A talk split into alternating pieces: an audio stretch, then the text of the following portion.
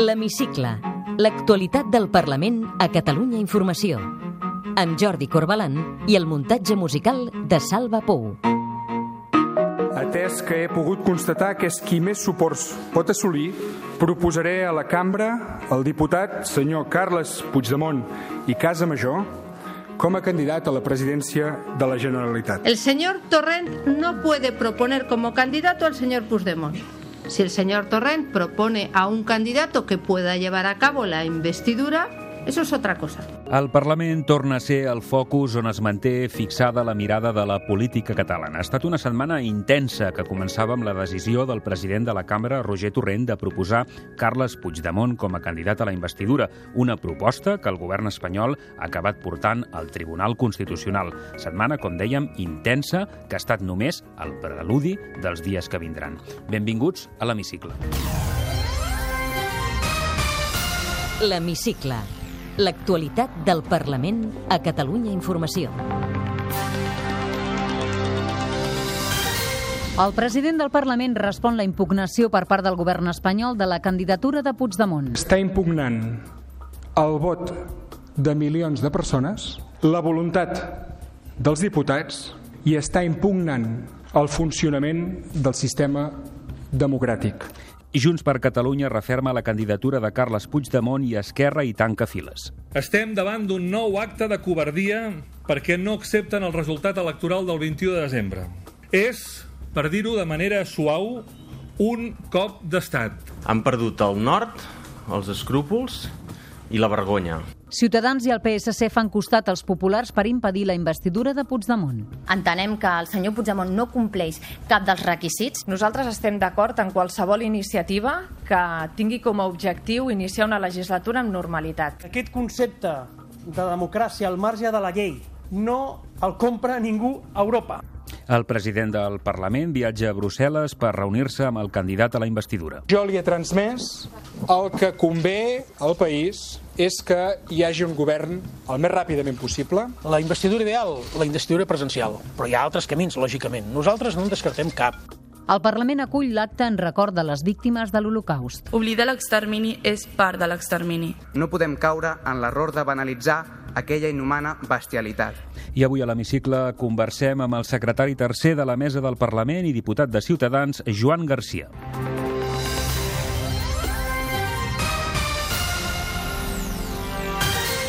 Lo hacemos en defensa de la legalidad y de la Constitución, respetando los criterios de las distintas instituciones del Estado, pero asumiendo nuestra obligación legal porque entendemos que una persona que está en busca y captura en territorio nacional por delitos tan graves no puede tratar de ser investido presidente de la Generalitat sin asumir sus responsabilidades con la justícia. És la vicepresidenta del govern espanyol, Soraya Sainz de Santa Maria. Tot i el dictamen desfavorable del Consell d'Estat, el Consell de Ministres ha impugnat la proposta del president del Parlament que Carles Puigdemont defensi la seva investidura en el ple convocat per dimarts a la tarda. En una compareixença al Parlament, el president Roger Torrent respon que la impugnació no té cap fonament jurídic.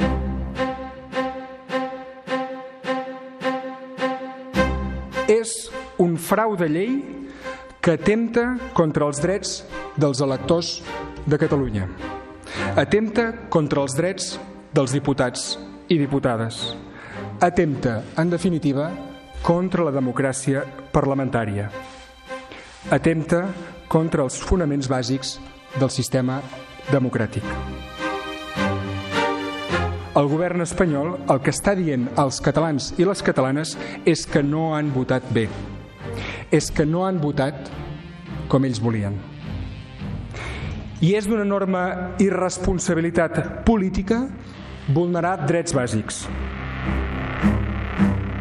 El candidat proposat al ple del Parlament de Catalunya és el diputat Carles Puigdemont i Casamajor perquè compleix tots els requisits legals per ser candidat.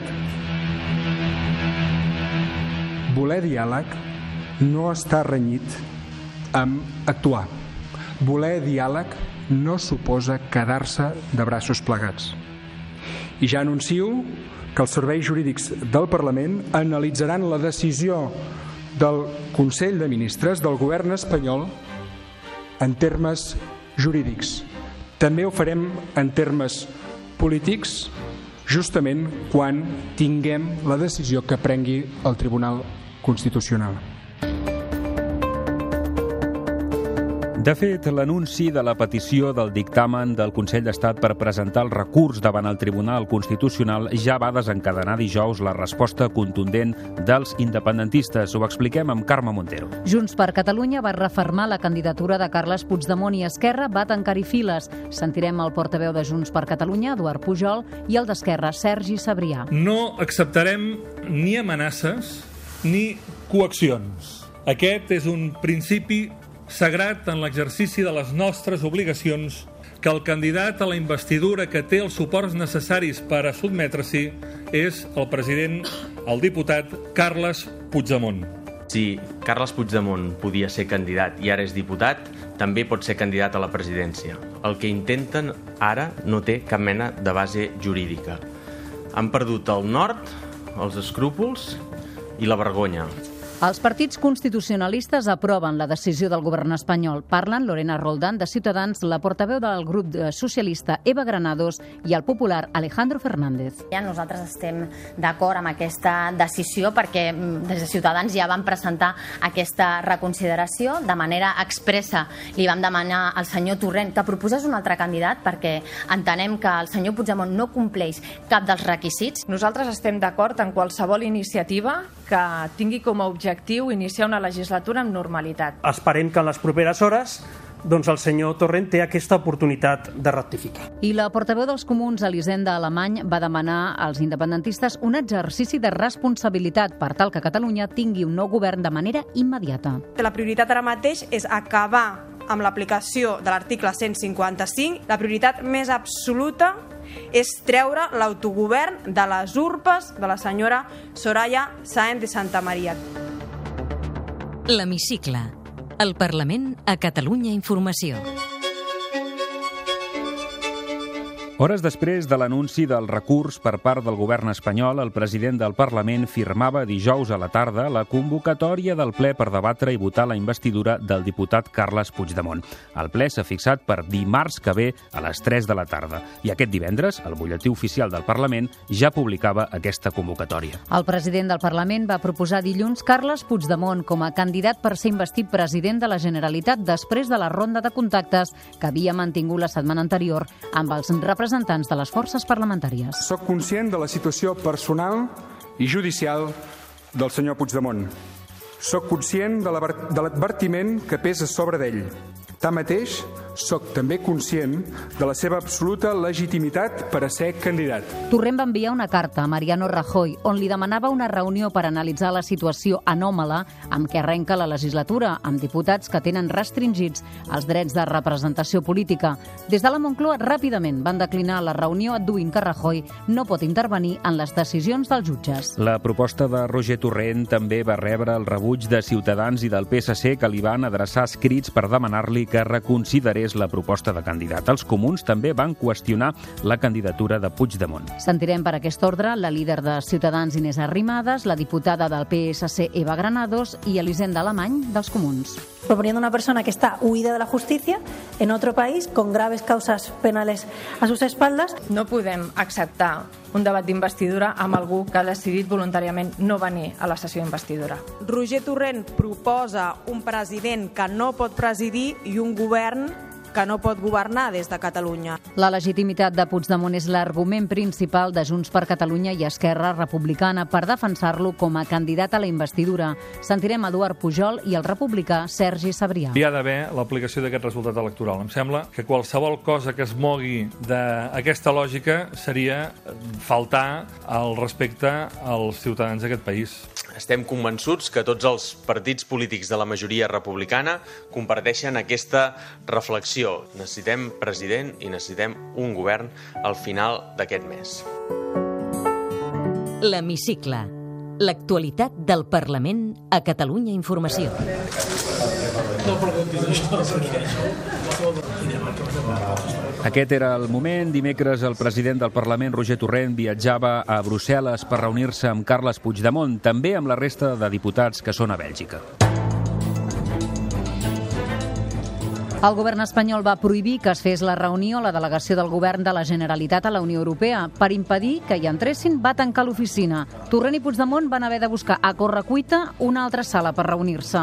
El president del Parlament va traslladar al candidat a la investidura la necessitat que hi hagi un govern aviat per acabar amb la intervenció de les institucions catalanes pel 155. Hem parlat amb el president i jo li he transmès el que convé al país i el que jo contribuiré a intentar provocar és que hi hagi un govern el més ràpidament possible, un govern efectiu, un govern que pugui treballar des del minut 1 i que així recuperem les institucions que recuperem les institucions de les mans del 155. A la reunió amb el president del Parlament s'hi van incorporar després els diputats i consellers del govern Puigdemont, Lluís Puig, Clara Ponsatí, Antoni Comín i Meritxell Serret. A la vigília de la reunió a Brussel·les, Puigdemont retirava la petició per exercir el vot delegat en els plens del Parlament que havia registrat dies enrere. Formalment, doncs, Puigdemont manté oberts tots els escenaris de cara al ple d'investidura. Des de Dinamarca, on va viatjar per fer una conferència, Carles Puigdemont no descartava tornar tornar per ser present al ple del Parlament. Ja he dit que jo no descarto res, si no hem de descartar res, perquè la meva obligació és treballar per la restauració democràtica. Insisteixo que el millor senyal de restauració democràtica és que jo pugui ser present en el debat d'investidura. Convido a tothom que ho faci possible, començant per les autoritats espanyoles. Senyor Puigdemont, ¿va volver a España? Hauria de poder tornar, sí. Ahora mismo podría si se respetaran los resultados de las elecciones. El ministre de l'Interior, Juan Ignacio Zoido, va anunciar en una entrevista televisiva un dispositiu per si Puigdemont té la temptació de tornar. Y aunque es verdad que la frontera a cubrir es muy extensa, que hay muchos caminos rurales, que se puede entrar a través de helicóptero, por un ultraligero, por barco, a pesar de todo eso, nosotros estamos diseñando un dispositivo para que eso no pueda pasar. Vamos a procurar que no pueda no entrar en, ni en el maletero del coche. Aquesta setmana la policia espanyola ja ha vigilat els accessos al Parlament, fins i tot ha inspeccionat el clavegram. L'hemicicle. Tot i que era a l'ordre del dia, la mesa del Parlament va posposar dimarts la decisió de si permetrà que els diputats que són a Brussel·les puguin exercir la delegació de vot. Serà, doncs, en la reunió ordinària de la mesa, que s'ha de fer hores abans del ple, quan es decidirà si els diputats que són a Brussel·les poden delegar el vot com els que són a la presó. Un dels diputats empresonats, Joaquim Forn, ha renunciat ja a l'escó com a estratègia per afavorir la sortida de la presó. Del vot delegat dels diputats que no seran a l'hemicicle en dependrà la majoria absoluta independentista per elegir el candidat en primera votació. D'això i del vot favorable dels quatre diputats de la CUP. La diputada Natàlia Sánchez feia aquest advertiment a les altres dues formacions independentistes. A dia d'avui, la poca claretat que tenim pel que fa al programa no ajuda a establir una relació de confiança. Aquest dilluns s'acaba el termini per constituir els grups parlamentaris. Els primers a constituir-se han estat Catalunya en Comú Podem i el grup socialista.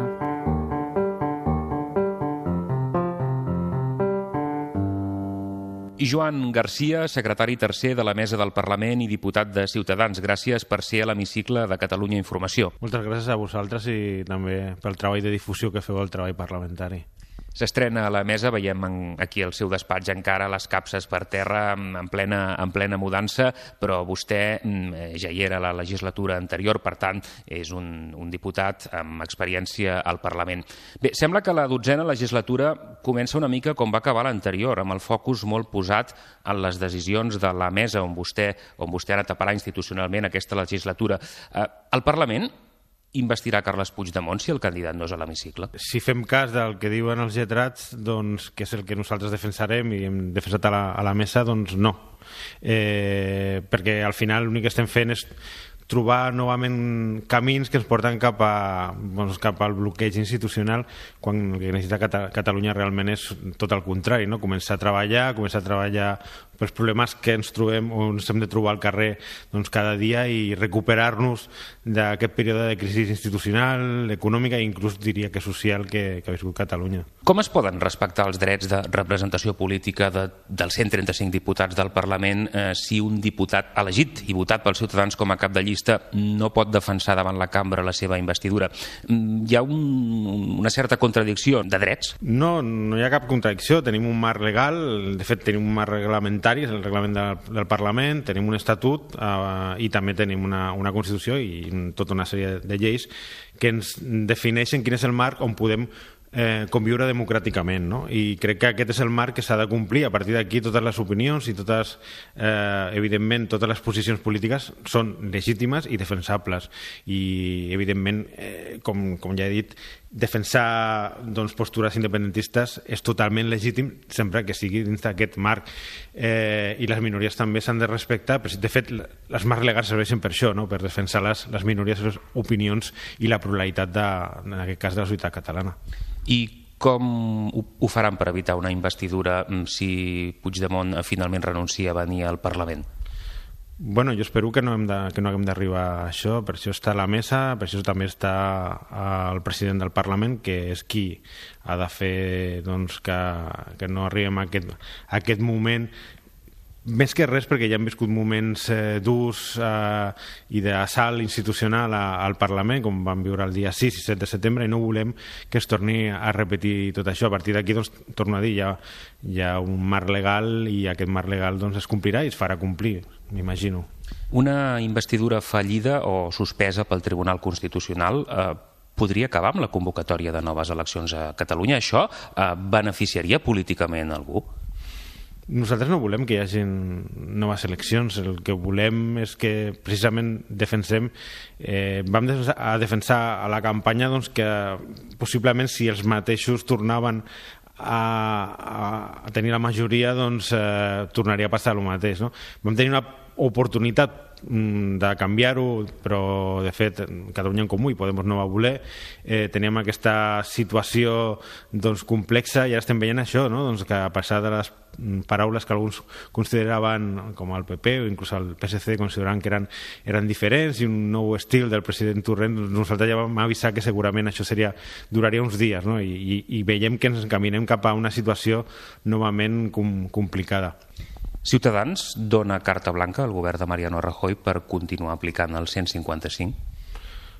Nosaltres donem, no és que donem carta blanca, el que fem és donar suport a que s'apliqui la Constitució, no? I crec que el que s'ha fet és això, el govern sigui de Mariano Rajoy o sigui de qualsevol altre partit el que ha de fer també és eh, doncs, assumir les seves responsabilitats, que en aquest cas eren, eren aquestes. No? Escolti, l'aritmètica parlamentària, mm, que va sortir de les eleccions del 21 de desembre, és la que és, però no tindria sentit políticament que Inés Arrimadas s'hagués postulat com a candidat a la investidura com a representant de la força guanyadora a les eleccions?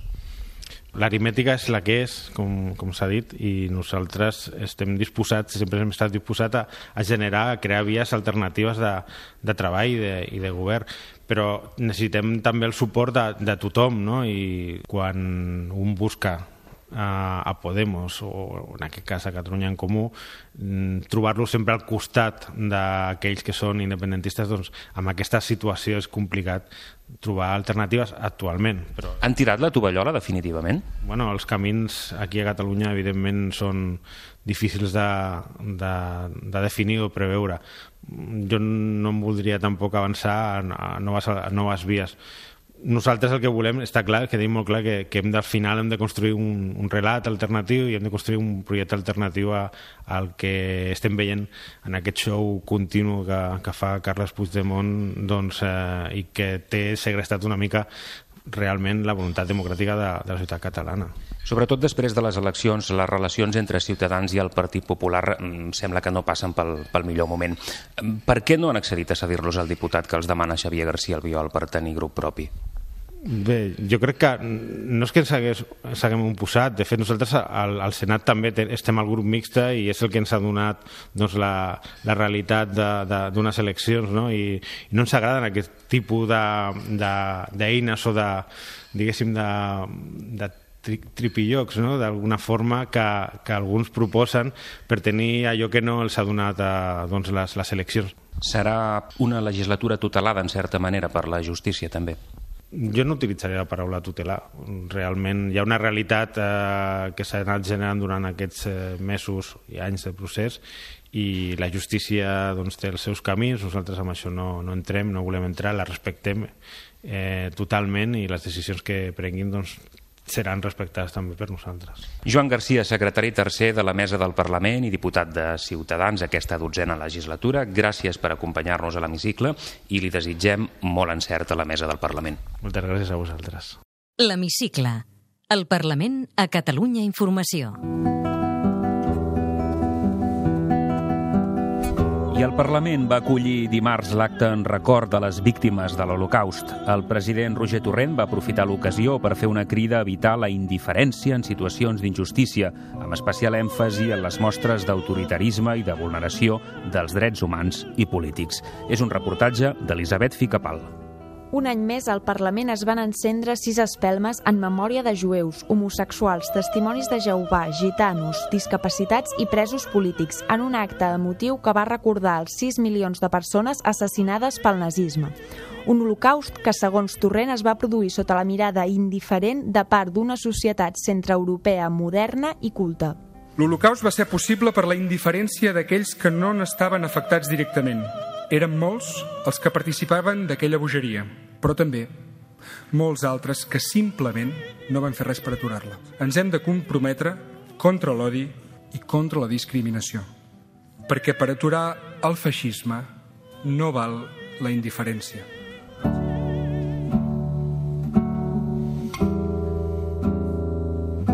Per segon any, joves de sis instituts catalans van donar veu a les víctimes a través dels seus treballs de recerca. La importància de mantenir viva la memòria històrica de l'Holocaust és la idea que va arrelant els estudiants, que van aconseguir transmetre als assistents aquestes sensacions. I per molt enterrat que el tinguem, el Valle de los Caídos segueix cridant. La veu ofegada no ha callat i la sentim més viva que mai. Oblidar l'extermini és part de l'extermini. Malgrat tot, el resultat ha estat un gran exemple de la resistència pacífica, superació i perseverància. Fem avui sempre memòria d'això. Mai més. Moltes gràcies. Podeu tornar a escoltar l'Hemicicle al web catradio.cat barra hemicicle i seguir l'actualitat del Parlament a través del Twitter a arroba hemicicle i arroba cati-política.